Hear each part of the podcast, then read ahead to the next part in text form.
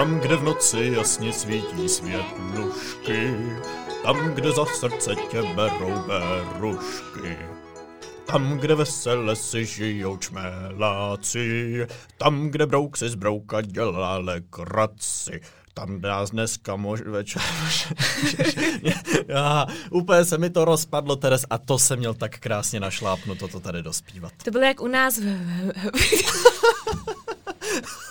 Aha, ví, uh, bude to dneska velmi zajímavý podcast, vážení diváci. To já asi nejsem správný včelí medvídek, teda očividně. Co jsem to chtěla říct? Ty se v hmyzím, v hmyzím hotelu. No schválně to řekni. V hmyzím, hotelu. Hotel, no chápu, že to, je to ne úplně obratné. Je to jako uh, to, co se ozývá z Terezina, uh, Terezina hmyzího hotelu. Ano. My jsme opravdu ve my, formě. Teres, my si tady děláme ostudu. My, my si tady děláme ostudu, protože tu máme hosta a chováme se takhle. Tak, proč jsem zpíval uh, o světluškách, nebo proč tam zazněla světluška? Není to náhodou, je to samozřejmě symbolické, protože tady dneska někoho, kdo se tak trošku světluščího tématu týče máme, ale k tomu se dostaneme až za chvilku. Uh, Teres, 34. epizoda, cítíš se připravená? Ano, je to na mě vidět? Nebo je to, je to na nás vidět, že už tohle děláme po 34. Ne. ne, ano, hromadně odpovíme ne. Ale já se vždycky těším na to nahrávání podcastu, takže připravená, nepřipravená, těším se, to je nadšená. nejdůležitější, přesně tak. Já jsem nadšený. no jsi, a no. Má, máš důvod být po posledním týdnu nadšená, co jsi zažila za posledních hmm. sedm dnů od minulého nahrávání? Ano, my jsme měli krásný prodloužený víkend a bylo nádherně za prvý a za druhý jsme u nás doma měli návštěvu a pak jsme slavili mojí uh, ségry narozeniny, tak to je vždycky takový krásný. Sice to bylo velmi jako v omezeném počtu lidí, než je jako normální, mm-hmm. ale byl dort mrkvový a tak. Yeah. Takže a co je u vás fajn. normální počet? Máte takový ty velký oslavy nebo jste spíš na takový ty komornější rodiny? Jak kdy, ale naše rodina je poměrně rozvětvená, takže pokud je to už jenom jako rodinná oslava, tak je tam takových 20 lidí. Hmm, a teď všichni mají ty děti a teď je tam takový ten správný brajgl. Mm-hmm a je to takový jako krásný, no. Tak tentokrát nás tam bylo asi jenom šest. Bylo to poklidnější. No, velmi, takový. velmi. Chápu, mm. chápu. A jinak jsme grilovali, my jsme si od mýho táty půjčili grill, takže poprvé v životě jsme grilovali s Jonem mm-hmm. a jsme teda, uh, nejsme vůbec fajnšmekři v tom, dokázali jsme to Dokázali jsme to, teda on na tom není No počkej, já jsem myslel, ale... že jsi minule říkala, že máte ten velký černý kotel, co vynesete ven a uděláte si ohniště. Ano, to si děláme. Ano, tam dáme, tak tam jsme dali nějaký takový prazvláštní tu, tu, tu, tu ten rošt. rošt. Ano, přesně. Ale tohle je prostě grill. Tohle jsme měli grill, no. Tak, hmm. tak to bylo úžasné, že jsme propadli té nádheře toho, jaký to je vlastně krásný mít tam pár jako přátel a teď si tam udělat to dobré jídlo a u toho tak jako povídat a tak to bylo úžasný, milý. Hmm. Tak se těšíme zase na příště. A teďka nás čeká tady o víkendu, bude 17. května, což je ten Národní den Norska. A tak to se taky těšíme, protože to je velká událost tak uh, budu vyrábět nějakou dekoraci k nám doma. Jo. Všechno bude s norskýma vlajkama, oni jsou takový patrioti a všechno musí být s norskýma vlajkama, mm-hmm. tak se na to těším, budu dělat nějaký dort pořádný. No a vlastně jsem zapomněla, že má Jony narozeniny, tak... Uh, tak to je taky docela To je taky docela událost. událost. Máš dárek už. Ne. Ale asi, asi mu koupím Morskou ještě vajku. jeden ten hmyzí hotel. On se setkal s velkým úspěchem. ne, Jony mi na to řekl, že to teda rozhodně doma mít nebude. Aha. Protože no to je, nechce ale žádný hmyz. linka typ týdne, tak... ano, ano že, že, to nechce mít doma, protože až budeme grilovat, tak tam mm. bude všude se slítávat ten hmyz. No. A no tak... tak počkej, jak velký si koupila eh, nejdřív nutno říct hmyzí hotel? Je to jako dům, anebo je to fakt domeček? Je to fakt malinkatý, je to třeba 10 cm na 30 cm. No my jsme to s Teres řešili už před podcastem a já jsem googloval, kdo v tom hmyzím eh, domečku potom bydlí a jsou to čmeláci, vosíci, berušky, takže snad nic moc. Škvoři, děsivý. škvorové. Jo, ale ty jedí mšice a takový ten mýtus, že vám prokousnou ušní bubínek v noci, tak eh, tomu už snad nikdo nevěří. Hmm, tak to je to, co se dělo u nás, teda to je to, co řešíme my tady. Mm-hmm. Hotel Zahradní a, radosti. A, a grilování. No ale kovy, ty máš, tady, ty máš tady nohu nahoře. No, já jsem, si, já jsem si užíval taky krásného počasí o víkendu. Udělali jsme si prodloužený víkend na Jižní Moravě, bylo to super, vyrazili jsme tam s několika přáteli a tak jsme tam trávili krásné téměř jako letní dny. Ta atmosféra už je přesně taková, že si vezmeš jenom krátkou košile kraťasy a chodíš tam po, po těch polích a vinicích a je ti krásně. To já jsem všechno sledovala, Já ano. jsem, no jo, už dlouho jsem nebyl na Jižní Moravě, tak mě to jenom připomnělo, jak je tam nádherně a, a že to je opravdu jako ráj v té naší zemičce, a, že, to, že to je opravdu nádhera. No ovšem na, na závěr našeho slavného výletu uh, jsme byli na degustaci u jednoho vinaře, pana Horáka, to je takový kouzelný dědeček, který nám tam vyprávěl o všech odrůdách vína, hrozně vášnivě vzpomínal, jak se to dělalo dřív a tak dále. No a pak jsme šli z degustace, přišli jsme zpátky tam, kde jsme, tam, kde jsme bydleli. No a hráli jsme na schovávanou. Jo, asi v šesti lidech jsme hráli na schovávanou, ano. prostě dospělí lidé i děti jsme hráli na schovávanou a uh, různě to gradovalo, jako kamarád tam byl ve skřínce, kam se podle mě nevejde pomalu ani větší hrnec, tak on se tam celý nasoukal a deset minut tam byl úplně v pozici a vyhrál? novorozence. Nevyhrál, protože už to nemohl vydržet, takže potom začal úpěnlivě prosit, ať už ho někdo najde, takže nakonec ho někdo našel. No a já jsem to završil tím, že jsem pikal a uh, seskočil jsem z jednoho takového schůdku úplně směšného a podvrk jsem si kotník. Oj, takže mám, oj, takže mám víron, mám to, mám to obvázaný, uh, dostal jsem berle, takže poprvé v životě mám berle a poprvé v životě jsem se jak něco takhle udělal. Já jsem nikdy neměl zlomeninu, nikdy jsem neměl nic natrženého, nataženého, takže pro mě je to poprvé, co jsem takhle omezený. To jsi statečný Jakože fyzicky omezený. Jinak docela v některých momentech jsem takový omezený. no pozor, počkej, já jenom chci tady jako okomentovat teda, teď si jako vydává tu nohu nahoru, evidentně jo, jo, už natejka, už jí máš tady Ne, ne, ne, ale tak jen si Jenom abys tady chtěl demonstrovat. demonstrovat. Tě. Víš, že to nevidějí ty lidi, viď? jsem rád. Já jsem jenom chtěla okomentovat, že je vidět, že se ti to stalo poprvé, protože uh, to, jak uh, manipuluješ s berlema a to, jak se tady možná asi tak třikrát málem natáhnu.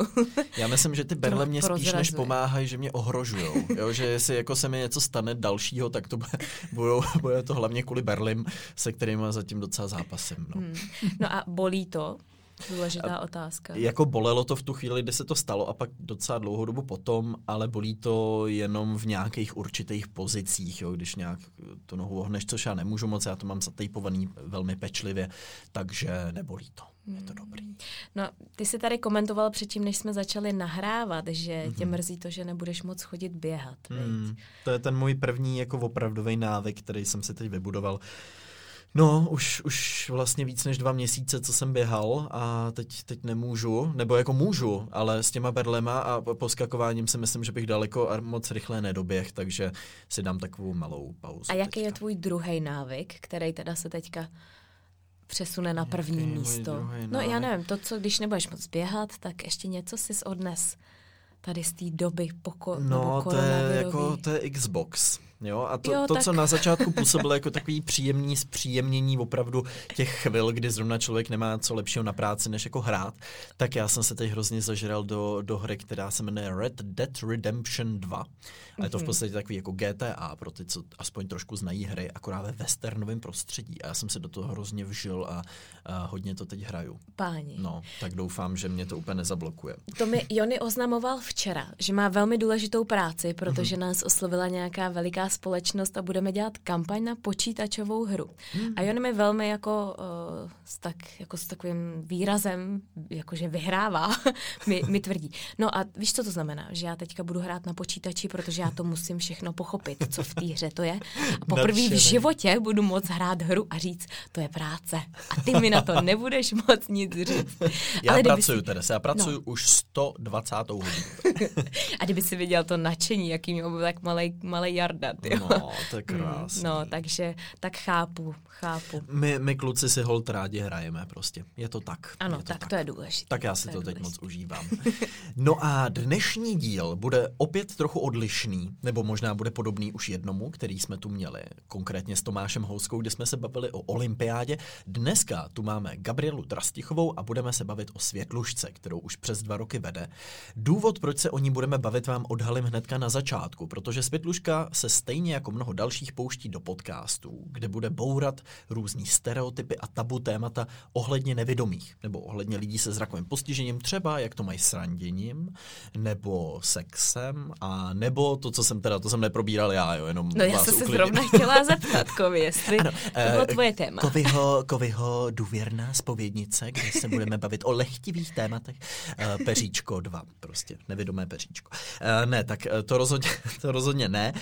Uh, v každém dílu totiž bude jiný moderátor, bude tam i jiný host a já jsem převzal štafetu prvního dílu, kam jsem si pozval Nikol, uh, která je skvělá. Ona plave, byla na paralympiádě, v šesti disciplínách startovala, uh, teďka finišuje práva. To je důvod, proč tady dneska máme Gabrielu, která uh, světlušce šéfuje a která nám řekne trochu víc o tom, jak je dnešní doba třeba výzvou pro neziskovky, nebo jak neziskovky obecně fungují, jak, jaký je ten mechanismus, že to vlastně není často práce, kterou lidi dělají zadarmo, protože to prostě nejde, je to jako často kolos, ty eventy, které dělají, jsou náročný, o tom všem si promluvíme. Hmm, ptáme se hodně docela i na dřeň, ptáme se právě i na transparentnost, zajímá nás věci, jak se vlastně dělí třeba i ty finance a zajímá nás třeba i budoucnost, jestli právě třeba sbírky, které jste viděli v poslední době, které ovládly Instagram, tak jestli možná tímhle směrem se třeba budou vy, jakoby rozvíjet neziskové organizace, nebo právě naopak, jaký jsou tam, jaký je tam risk, jaký jsou tam možnosti, kam, jak by se to mohlo zvrtnout a tak dále a tak dále. Takže jdeme na to, my jsme se s Gabrielou hodně zapovídali, takže vám představíme takový výběr toho nejzajímavějšího z našeho rozhovoru. Jdeme na to.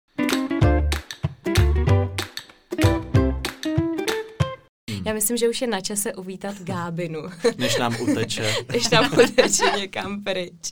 Tak Gábino, vítej. Já vás zdravím, děkuji za pozvání. Dorazila Gabriela Drastichová, která vede Světlušku, je šéfkou Světlušky, respektive nadačního fondu Českého rozhlasu, jehož je Světluška součástí. Tak já bych na začátek to vystřelil asi takovou otázkou. Ty jsi vystudovala andragogiku a filologii což tak jako není hnedka na první dobrou jasný, že tě to zavane do neziskového, eh, do neziskových vod. Tak eh, jak ses do nich dostala? No, ta cesta byla relativně dlouhá a já jsem vlastně prošla několik firm, včetně velké korporace, kde jsem dělala personalistiku, vzdělávání, rozvoj. Mm-hmm. A největší zlom asi přišel v době, kdy jsem se stala mámou. Já jsem uh, rovnou z té korporace šla na mateřskou a a ve chvíli, kdy jsem byla doma s dětma, tak jsem vlastně si nedovedla představit, že se zpátky do toho korporátu vrátím. Hmm. Takže jsem šla do nezisku, protože nezisk v té době byl jako nejotevřenější uh, ke zkráceným pracovním úvazkům, práci z domova. No a tam to vlastně všechno začalo. A takže jsem opravdu šla od té pozice fundraisera, kterou nikdo nemá rád, protože to znamená se nechat desetkrát vyhodit a po jedenácté možná uspět. Chodíš za firmama, žádáš o Zoufalý. Ano, hmm. ano. Pak jsem se vlastně posunula do té, na tu opačnou stranu donora, takže jsem šla jako zase do velké nadace, velké korporace a, a tam jsem se učila tu roli toho, jak se ty peníze rozdávají. Ty jsi zmiňovala, že tě ta role mámy velmi změnila, co se hmm. týkalo pohledu na vůbec na biznis, na tvoji práci. Myslíš si, že ti, že ti pomohla v tom, nebo myslíš si, že jsi přišla na něco, co si pak mohla aplikovat právě třeba i v tom nezisku? Hele, děti mě učili hlavně efektivitě práce a učili mě to, že každou minutu, kterou nevěnuju jim, ale věnují práci, tak musí mít nějaký smysl. Hmm, takže takový to přehodnocení, který přichází s dítětem, že to je vlastně velmi, velmi často to padá. U tebe, Teres, to bylo podobné třeba tohleto? Hmm, já jsem to měla velmi podobně. Já mám pocit, že všechny, nebo většina těch mám, maminek, to vlastně na to pak jako přijdou, že si řeknou, já už tady nechci sedět v práci, která mě nebaví a mnohem ta efektivita mně přijde naprosto skvělá. Na to jsem přišla já teda taky. kolik věcí, kolik, jako, jak moc mrháme tím časem, hmm. protože můžeme, protože ho hmm. máme. A mě vždycky zajímají ty role těch maminek, který si tím taky prošly, jestli to mají stejně, jako to mám já, nebo jestli to vnímají stejně, jestli to je, jestli to, je to ono. no a potom, co se s Gabčo vyzkoušela fundraising a na druhé straně to donorství, byl to potom ten moment, kdy už se přešla vlastně přímo do, do toho nadačního nadačního fondu, nebo ještě tam byl nějaký mezičlánek? No, měla jsem takový uh, jako divoký a zajímavý mezičlánek a to byla asi uh, dvou, dvouletá jízda se startupy. To mě naučilo jako moc. Já jsem tam nesmírně omládla, protože to bylo doba, kdy už jsem měla jako dvě děti, obě školou povinné. A najednou jsem se ocitla mezi eh, dvacátníky, a, který vymýšleli uh, jako strašně skvělé produkty a služby a šli do toho i s tím vědomím, že 99% z nich jako umře do roka a ani svůj první výrobek neprodají, ale prostě měli tak obrovskou vášeň pro tu věc a chtěli měnit svět. A to byly krásné dva roky jako se sociálními startupy. A odtud vlastně vedla moje cesta potom do Světlušky. A bylo to tak, že tě oslovili, nebo jsi řekla přímo, tady vidím tu cestu, nebo tady by to chtělo nějakou, nějakou změnu? Jak, jak, to, jak to začalo? Ale super otázka. Já jsem poprvé v životě, jsem se sama sobě uh, rozhodla, že tohle místo chci. Mm-hmm. Já jsem vždycky byla jako ulovená do toho místa, nebo mi tak nějak jako přišlo. To možná přišlo z těch startupů. Tam se možná nakazila to možný. tím chtíčem. Tak když to tyhle mladí lidi můžou, tak já taky. no a nebo je to možná právě to, že člověk najednou má pro to rozhodnutí mnohem větší drive, mně přijde, že, že mno, mnohem menší problém máš vlastně v tom udělat nějakou životní změnu, anebo tu, tu energii v sobě prostě najdeš, mm. když hmm. máš kolem sebe tyhle lidi, kteří mm. jsou opravdu velmi jako dynamický a svět kolem nich i kolem tebe pak se mění mm. jako hodně rychle, tak najednou to je možná jednodušší udělat takový rozhodnutí. No a nastoupila se do Světlušky, což je nutno říct organizace, která tu je od roku 2003, 2002? No letos slavíme 20 let jako nadační fond. No o tři jo. roky později potom byla založená Světluška jako jo. veřejná sbírka jo. pod nadačním fondem. Která, jak ty si říkala, začínala v podstatě velmi inovačně, že jo? hmm. Přinášela nějaký, nějaký nový věci sem. Dovedeš zmínit nějaký konkrétní příklady, v čem třeba Světluška byla jiná než jiný neziskovky? Hmm. No Světluška jsem, myslím si, přinesla ten trend eventového fundraisingu po vzoru Německa, kavárnu pod mě. Ta žádost o dár šla ruku v ruce s nějakým zážitkem, takže jsme to vnímali jako win-win fundraising. Devátým rokem vlastně běháme s čelovkama v nočních parcích. A teď běhají všichni, teda v noci stále asi jenom světluška, že jo? Ale, ale jinak mně přijde, že všichni běhají. Teda. Ty, ty už si doběhal. jo, tak já, já doufám, že zase brzo budu, ale těch benefičních běhů je opravdu spousta. To je pravda. Teď, teď já jsem se tě chtěla jako zeptat, byl jsi v kavárně pod mě? Já jsem nebyl přímo v kavárně pod mě, bohužel, ale byl jsem na neviditelné výstavě, která mě přišla tím konceptem docela podobná, že přesně je to, je to zážitek, který máš. Najednou je mnohem jednodušší hmm. se vcítit do pozice těch nevědomých a uvědomíš si jako velmi mnoho věcí. Ty, ty hmm. byla? Nebyla, nebyla, nebyla právě a, a je to velká ostuda. No, je asi ideální příležitost to napravit letos. Já tak říkáš, že je to dobrý to tady tak říct, že ani jeden jsme tam nebyl, tak... tak. jo, ale, ale vzpomínám si eh, aspoň na tu výstavu teda, že opravdu tam jsou i různý věmy, že jako přecházíš silnice, takže slyšíš ty klaxony a je to vlastně hmm. zprvu velmi nepříjemný pocit a postupně se jako zvykáš a jako adaptuješ se a ačkoliv to netrvá moc dlouho, tak myslím, že Gabče mi dá si zapravdu, že, že se jako potom během těch pár desítek minut zvládneš na to prostředí aspoň trošku trošku adaptovat. Že? Ale jak kdo? Jsou tam lidi, který uh, někoho i vyvádíme. Jo? Jsou lidi, kteří mm-hmm. opravdu tu tmu jako neunesou.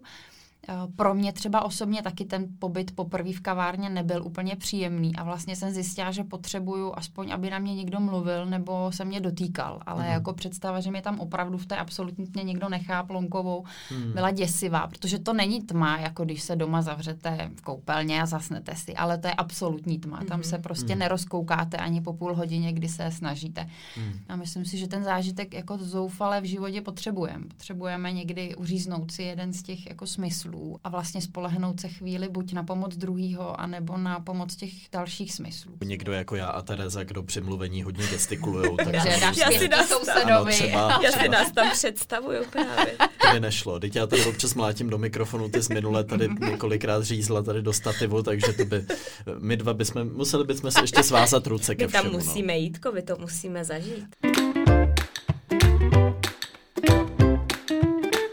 Gabi, co, na co jste teda přišli, co, co funguje na ty mladý lidi? Já jsem taky četla v jednom v tom článku, že vlastně ten rozdíl je velmi jako markantní. Mně se tam hmm. líbilo, jak si popisovala, že vlastně, nebo naše rodiče, nebo věk třeba lidí, kteří jsou kolem 50, 60, tak jim stačilo vlastně vědět, že je to určitá částka, která jde na nějaký projekt. Hmm. Pak zase ta jiná generace, hmm. mladší generace, hmm. tak pro ní bylo důležité vědět, na jaký přesně projekt to jde. A možná, že my mileniálové chceme vědět, komu přesně konkrétně to jde a jak konkrétně hmm. to pomáhá a hmm. ovlivňuje třeba ten hmm. život.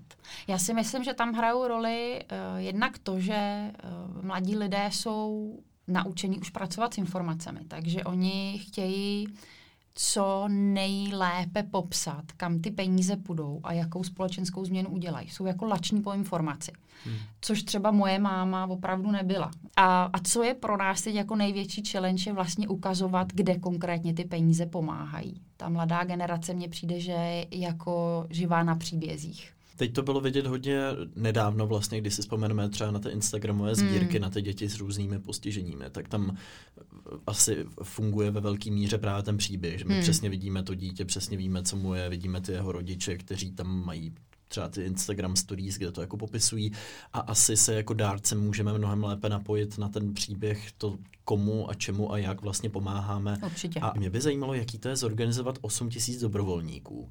Dát jim ty produkty, které se musí někde vyrobit, někde naskladit, musí se rozeslat, ty dobrovolníci musí roz, eh, rozníst a pak ty peníze zase zpátky vybrat. To zní jako úplně neuskutečnitelná věc a vám se to nějak tak daří. Ale to je to projekt na půl roku, trvá to pět dnů a je ovšem. hmm. Já spíš přemýšlím, jak dlouho si myslíte, že podobné sbírky budete dělat, když si pak porovnáte, kolik je to práce, hmm. kolik to stojí peněz, kolik je to administrace, kolik je to vlastně i ta výroba těch, těch, těch předmětů. A zase na druhou stranu, hmm. p- pro mě, a myslím si, že pro spoustu lidí je třeba právě ta škola první místo, kde se třeba konkrétně se Světluškou potkají díky té sbírce. Že já jako Světlušku registruju od doby, kdy jsem byl na škole hmm. a tahle sbírka tam byla. Hmm. Takže jako má to, že jo, nějaký hmm. dvě roviny. Hmm. Co z toho vlastně jako zvýhodnit vybrat? Ale tady je eh, vlastně strašně důležitý se zamyslet nad tím, co všechno nám ta sbírka v ulicích přináší. Jo. Já když jsem do Světlušky přišla, tak eh, jsem říkala, to musíme změnit, to je přece hrozný. Jako nemůžeme stát na tom, že budeme vybírat něco, peníze v ulicích. Jo. Já sama to nemám ráda, radši daruju online větší částku. Taky jsem dozrála k tomu, že ta sbírka v ulicích má, eh, krom toho, že vydělá nějaké peníze, tak eh, má vlastně ještě jako jiný přesah. Je to, pro nás je to vlastně jediná kontaktní kampaň, kterou děláme. My jsme si řekli, že když už máme těm lidem něco v ulicích prodávat a tuhle mašinérii od ledna spouštět, takže jim budeme prodávat něco, co by běžně si stejně koupili, ale my jim to prodáme jako s tím brandem Světlušky. Takže užitečnou věc. Ty tykadla, Já bych ano, si ty tykadla stejně, stejně koupil. koupil. Není ne, lepší že... pomůcky na líčení raní, než že si prostě vlasy sepnete těma našima tykadlama. A vy máte krásný svítící kartáč. Ano. Ty zaujaly mě. Mm-hmm. Přinesla jsem ti taky jeden. Wow, to já budu svítící kartáč. Jo, máte, že ponožky, ponožky máte. karty, velkou velkou hmm. spoustu věcí, takže nejsou to jenom ty kadla, abych to uvedl na pravou míru. Teda.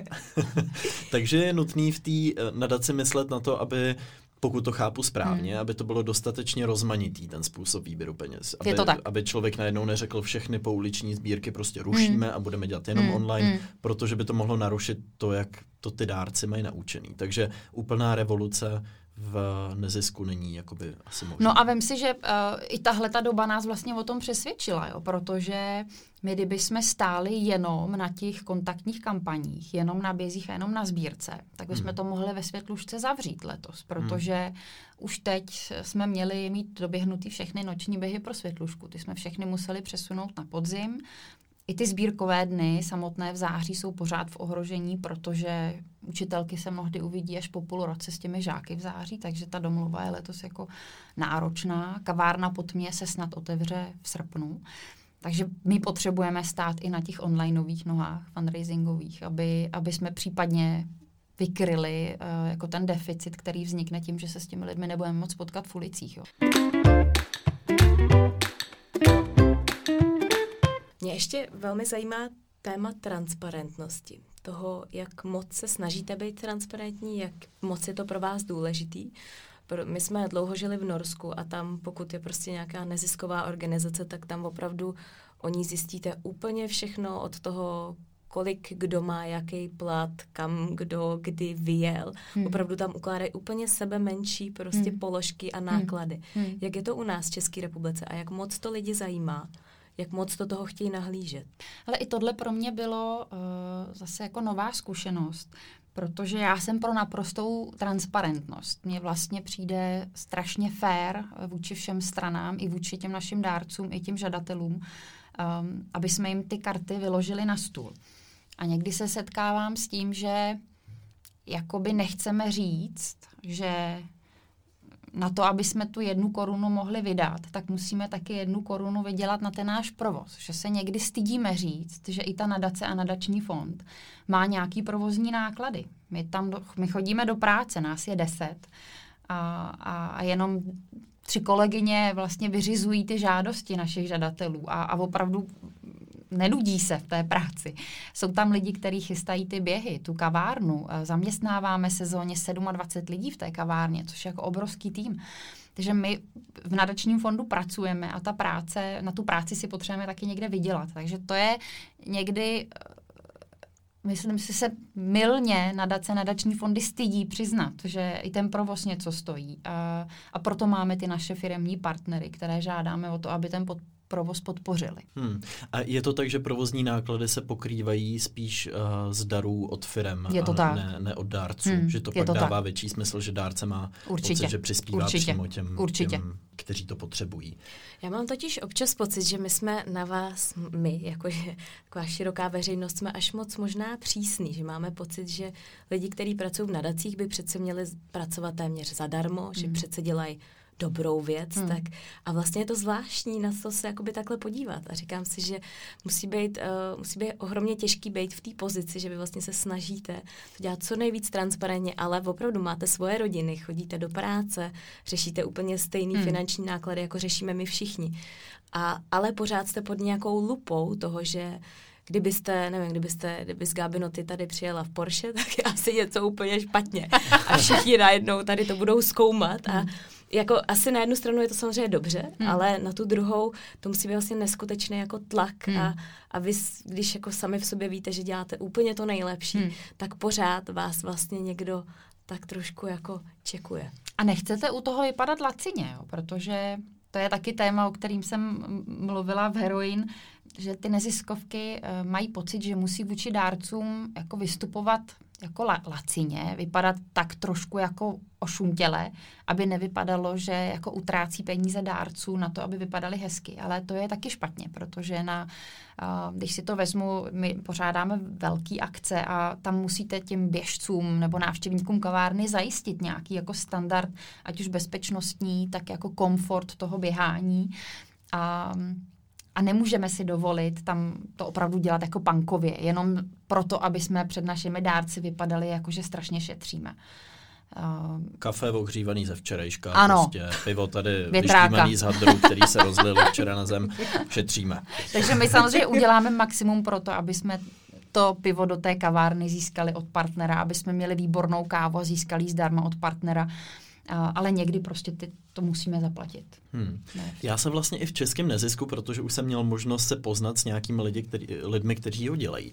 Přijde mně, že jsou tam dva přístupy, že někteří lidé vyloženě jako dávají na odiv, že to dělají opravdu jako zadarmo, že to je jejich vášeň a do toho pracují, ale logicky v tu chvíli nemůžou nikdy udělat nic jako většího. To bude vždycky jenom nějaká mini iniciativa jako jednoho, dvou, tří lidí, kteří jako ve svém volném čase, kterého možná nemají úplně moc, se budou snažit pomáhat, což je určitě jako šlechetný, ale v tu chvíli asi nemůžou nikdy jako postavit nic moc většího.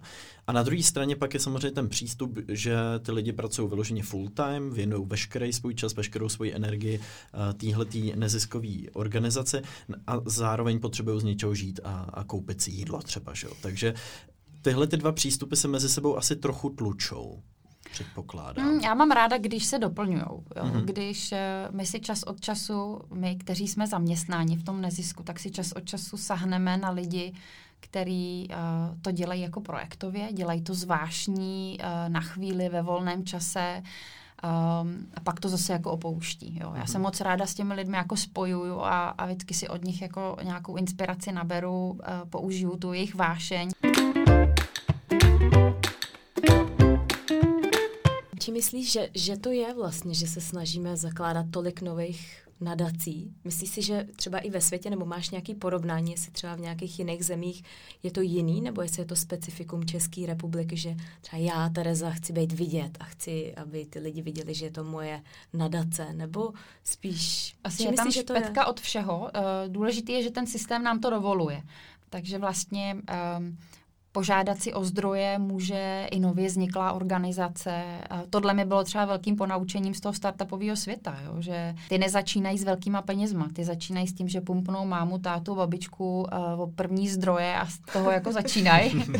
ano. Ale my v těch neziskovkách jako uh, otevřem ten náš krám a, a hned si jako žádáme o milionovou dotaci a hned jako chceme ty velký peníze a s nima chceme páchat to velký dobro. Hmm. Protože spousta těch neziskovek vypadá na venek krásně Jo? Je to, uh, mají nádherné vizuály, mají krásný spot, ale kolik klientů reálně uh, obstarávají, uh, kdo reálně tu službu potřebuje. Neexistuje už lepší a zavedenější služba.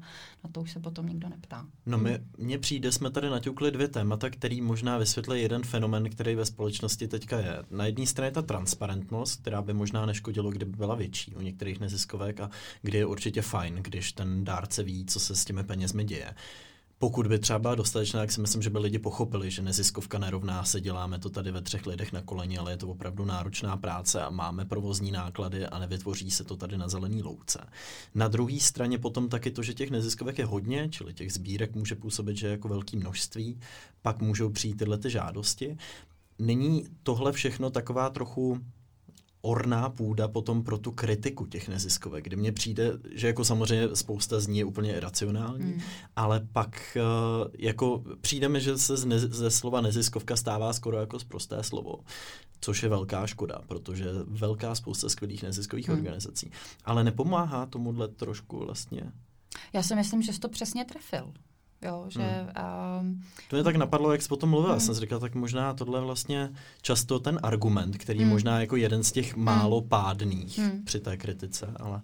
A samozřejmě uh, vždycky si pak ukážeme na ten jeden příklad toho, který zneužil uh, hmm a už nevidíme těch dalších sto, uh, kteří dělají tu dobrou vidět. práci. Hmm, hmm, hmm, hmm. Hmm.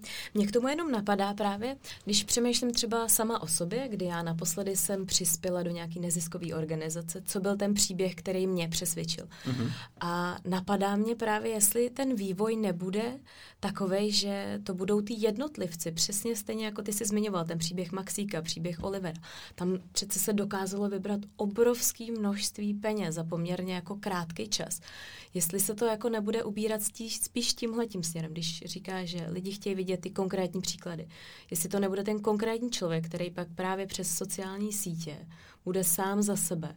A jestli to možná nevede k tomu, že právě i skrz tu kritiku, skrz všechno to, co jsme třeba někde slyšeli, skrz naší osobní zkušenost, jestli třeba tohle nebude možná ten vývoj do toho, do té budoucnosti. To je jako polemika, no. Samozřejmě se nabízí otázka, co by se stalo, kdyby podobné děti, které mají podobné problémy, kdyby zaštítila nějaká organizace řekla by, tady máme prostě deset dětí, kterým chceme pomoct, pojďme všichni spojit síly a vybrat prostě tuhle tu desetinásobnou třeba částku. Fungovalo by to líp, fungovalo by to hůř, Těžko, těžko říct, ale myslím si, že je to důkaz toho, jak s lidma opravdu ty příběhy rezonují a že skutečně mají tu potřebu vidět jako konkrétně, čemu, čemu pomáhají. A další faktor je ten, že ty příběhy tady byly dva nebo tři. Samozřejmě v momentě, kdy tohle se stane Určitě. nějakým trendem hmm. a bude jich hmm. tady 30, tak už to asi nebude takový veliký halo, už to nebude tak jednoduchý, jako to bylo u toho prvního, hmm. což asi je všechno jako dohromady něco k tomu nějakým způsobem hmm. přispěje. Možná dočasný fenomén. No, kdybys přemýšlela, uh, Gabčo, nad nějakými zahraničními příklady těch inovativních přístupů, napadá tě něco konkrétního, co jsi třeba řekla, tohle je super nápad? Jo, mně se moc líbily uh, vlastně takové cashless pokladničky, uh, které se testují v zahraničí uh, na darování. Byly to v podstatě uh, malé mašinky uh, velikosti takového toho zařízení, jak u semaforu mačkáš uh, když chceš, aby ti to cvakalo. Mm-hmm. Tak to uh, můžete na, nainstalovat v semaforu. a každý to zmáčkne. Kartu a, a v podstatě to šlo jenom jako na platby telefonem a platby kartou, uh, takže byly to takové jako pokladničky, do kterých se dalo přispět uh, cashless. A to mně mm. přijde, že je strašně přímá. To by třeba mohla být do budoucnosti i ta alternativa k té naší sbírce, kterou děláme v ulicích, protože tam pořád přemýšlíme to, aby jsme jako nemuseli, ty, ty děti, aby nemuseli nosit pokladničky s hotovostí, tak by bylo strašně přímá, kdyby měli nějakou eh, bez, jako bezkontaktní způsob darování. Mě to evokuje teďka, to je trošku off topic, nebo vlastně možná ne, ale uh, šel jsem kolem jednoho pána bezdomova, on mě žádal, jestli mu nedám nějaký drobný, prostě seděl před sámoškou a jsem říkal, já jsem moc omlouvám, já mám jenom kartu teďka u sebe, on říkal, já si snad pořídím terminál normálně. Já myslela, že řekneš, že už ho má, ale pozor, ale pozor, mě minulý rok v parku jsem byla s Vilím a přišla tam za mnou paní, která prodávala sušenky na nějakou charitativní organizaci. Já už vůbec nevím, co to bylo. Hmm. A ta ten terminál měla. Takže Protože, už se to asi ano, sem dostává. Už, už se to začíná pomalu. Otázka je, jestli to opravdu byla nějaká relevantní organizace, nebo jestli to byla To je taky další věc, že hodně těch pouličních sbírek těžko říct vlastně odkud, že jo, takový tak, tak, tak, já vždycky jsem takový obezřetný a vlastně mnohem víc věřím těmhle značkám nebo nadacím, jako je Světluška, mm. Pomozte dětem, uh, Den proti rakovině a tak dále, kde fakt člověk ví, že se to, se to k, těm, um, k těm lidem dostane a nemusí, nebo já, já jim opravdu jakoby věřím, jako nadace, kterým já pomáhám, tak těm velmi věřím, že ty peníze se tam dostávají. A odpadá přesně tenhle pocit, že se potom dozvím, že peníze, které jsem poslal na nějakou Twitterovou sbírku, skončily, prostě pak mě volá policie, což se mi jednou doopravdy stalo, že se tam vybíral peníze na pohřeb kamaráda. A potom to skončilo u toho, u toho kluka v kapse. Což zase člověku zůstává rozum stát, kdy tobě jako asi normálnímu člověku hmm. nenaskočí takový proč by to někdo dělal, nebo teď pro boha na tohle nikdo nemá žaludek, protože to je občas jak může příběh mít. našeho pana bazénáře. Ano, to, to posluchači dlouholetí linky, nebo dlouholetí dlouhoměsíčním posluchači znají. Uh, Gabča ho nezná, no, teda zase taky prožila velmi zajímavou ano, věc. Náš bazénář oznámil smrt jeho ženy, aby nám nemusel doručit jeden výrobek a ale my jsme zjistili, že ta žena vůbec nezemřela, takže tam byl celý story kolem toho. Ale to nevadí. Žena je živá, zdravá. Je, dobře to dopadlo no. a nakonec se to no. vyřešilo. Ale i takovýhle příběhy hmm. se můžou stávat a věřím, že, nebo bohužel se to stává i tady v tom sektoru. To je jeden z těch důvodů, proč si myslím, že tyhle ty nadační fondy rozhodně jako nezmizejí, že, že tohle není nějaký nový fenomén, ale že, že asi převáží si myslím u spousty lidí ten pocit, že už mají ten fond třeba jako ověřený, že už přispívají dlouho a, a už o něm třeba něco vědí, tak ten pocit té povědomosti třeba. No a pojďme se dostat k tomu nejdůležitějšímu pointu dnešního podcastu a to je váš nový podcast. Tak Gabi, prozradíš nám, o čem bude, kdo tam bude? Jak to bude probíhat. No Můžu jasně. to říct, že to No už jasně, no jasně. něco neprořekla. no on bude venku totiž zrovna dneska první díl, mám pocit. Je to tak, hmm. uh, no, tak že sdílíme stejný den vysílání. A, to je nejlepší den. A sdílíme i hvězdného moderátora. Výborně, no. výborně. To jste v nejlepších rukách. no, ale nutno říct, že to bude putovní. Já jsem, já jsem vzal teda tu štafetu, která ležela na zemi, jsem ji zvednul moderátorskou a teď ji předávám do rukou dalšího moderátora. Je to tak. Jak ten koncept teda bude vypadat? Uh, tak podcasty se budou mít podcast pod mě, uh, protože my všechno děláme pod mě. Kavárensky žijeme pod mě a zpíváme pod mě a běháme pod mě. Takže i podcast se bude jmenovat pod mě. A jak si správně říkal Kovi, tak my po každé budeme mít eh, podcast moderovaný někým jiným. Takže už teď eh, můžu ohlásit, že uh, buchty, které mají podcast na Radio Wave, povedou jeden náš podcast pod mě, taky Verča Táclerová bude mít jeden podcast pod mě u nás, Iva Pazderková. Takže uh, ti všichni přijali pozvání do toho moderátorského křesla a host a bude vždycky z řad těžce zrakově postižených. A to, co je na tom našem podcastu peprné, je, že ten moderátor se na otázky, na které byste se možná obávali zeptat, face to face vy sami, tak se zeptá toho zrakově postiženého. A věřím, že podcast zbourá spoustu různých mýtů, spoustu tabu a udělá to nejdůležitější a to je představí vám spoustu příběhů těch, eh, kteří mají nějaké zrakové postižení. A jsme zase u příběhu. No. Jsme zase u příběhu. Jsme u příběhu. jsme u té linky těch příběhů. Tete. No a je ten podcast taky jedním ze způsobů, jak připomenout trochu, že jste vlastně spojený s Českým rozhlasem, protože mě tohle spojení trochu vlastně vymizelo v poslední době. A nejenom tobě, podle No, No, no. no. Já zase bych ráda řekla, že si myslím, že se přibližujeme čím dál víc českému rozhlasu, protože už jsme v loňském roce dělali uh, hodně věcí dohromady, nevi, nevědomýho fanouška, to je projekt, uh, taková mé srdcovka, kdy se nám vlastně podařilo uh, díky speciálním komentářům do sluchátek zpřístupnit vlastně mainstreamový sporty zrakově postiženým. Jo. Takže mm. s náma byli na Spartě a byli jsme na Kometě, na hokeji a oni mohli sedět normálně na těch ochozech a vlastně jim jenom komentátoři z radiožurnálu jim posílali, uh, posílali popisy do sluchátek, takže tak tam jsem viděla být... takovou rizí radost. A to musí být neuvěřitelně těžký. Teď to je tak rychlý. to bych já dělat nemohla. No teď a to ještě musíš, tam, teď no tady. jasně, a ještě k tomu stihneš a popisovat. Brádě, pardon, jasně. to se mám zapomnět. to už není slyšet, protože všichni burácej. To musí dělat někdo, kdo je opravdu dobrý, jo. velmi rychlej, pozorný profesionál. Tak to ty sportáci z radiožurnálu. Ty to umí. A to, to jsem moc ráda, že jsme jako s tímhle projektem vyjeli v loňském roce. Šli jsme pak i jako do divadla, do divadla takže i divadelní představení.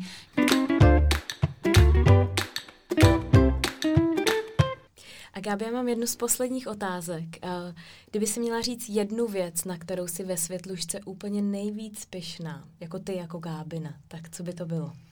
Já jsem pyšná uh, na ty holky, které ve světlušce pracují.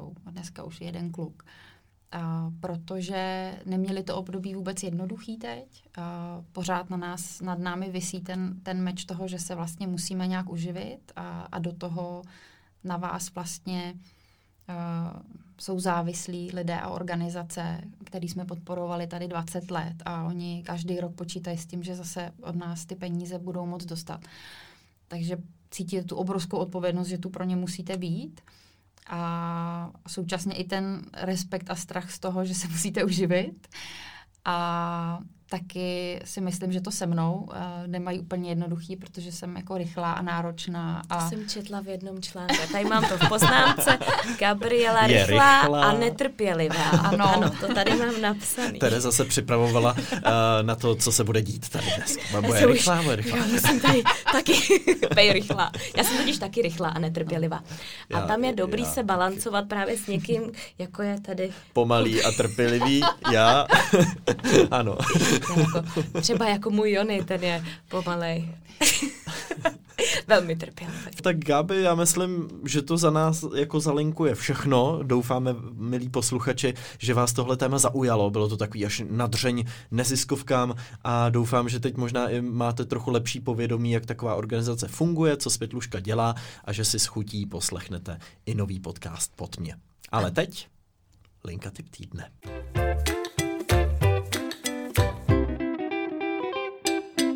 Kovy. Připravený na dnešní... I ty se tady ne. směje, ty se tady culíš. Já vám to musím říct, co se dělo. My jsme, já říkám, Kovi, napsal si Gáby, že máme tady linka typ týdne. A Kovi, ano, ano, napsal jsem mi to, Gáby je připravená. A ty jsi připravený? Ne. No já něco vymyslím, já, to, to tam naskočí. a, a teď já jsem hlavně pozoruju. celý včerejšek si říkal, to je skvělá věc, to musím říct v tom podcastu a ne, a ne mi to naskočit. Tak můžete zatím začít. Ano. Teres, co je tvůj ano. tip na já tento mám týden? úžasný seriál na Netflixu. Mm. The Crown. Ne, The Queen? Ne, The Crown. The Crown. Ano, já tomu říkám koruna. The Queen, ano. tak to je něco Koruna. Mm-hmm. Koruna v mhm. češtině. Mm-hmm. Naprosto ohromující, mm-hmm. nádherný. Já jsem strašně dlouho nebyla takhle jako natáhnutá, ne to je blbý slovo, Na, napnutá, napnutá, napnutá. No ne, taková, jako že mě to opravdu tak chytilo, že se těším. A nebo se natáhla u toho jako na, na gauč to a natáhnul ty, a máš z toho výron. ne, ne, ne, opravdu, to je tak úžasný jako seriál. Viděli jste ho? Já jsem viděl asi první dva díly.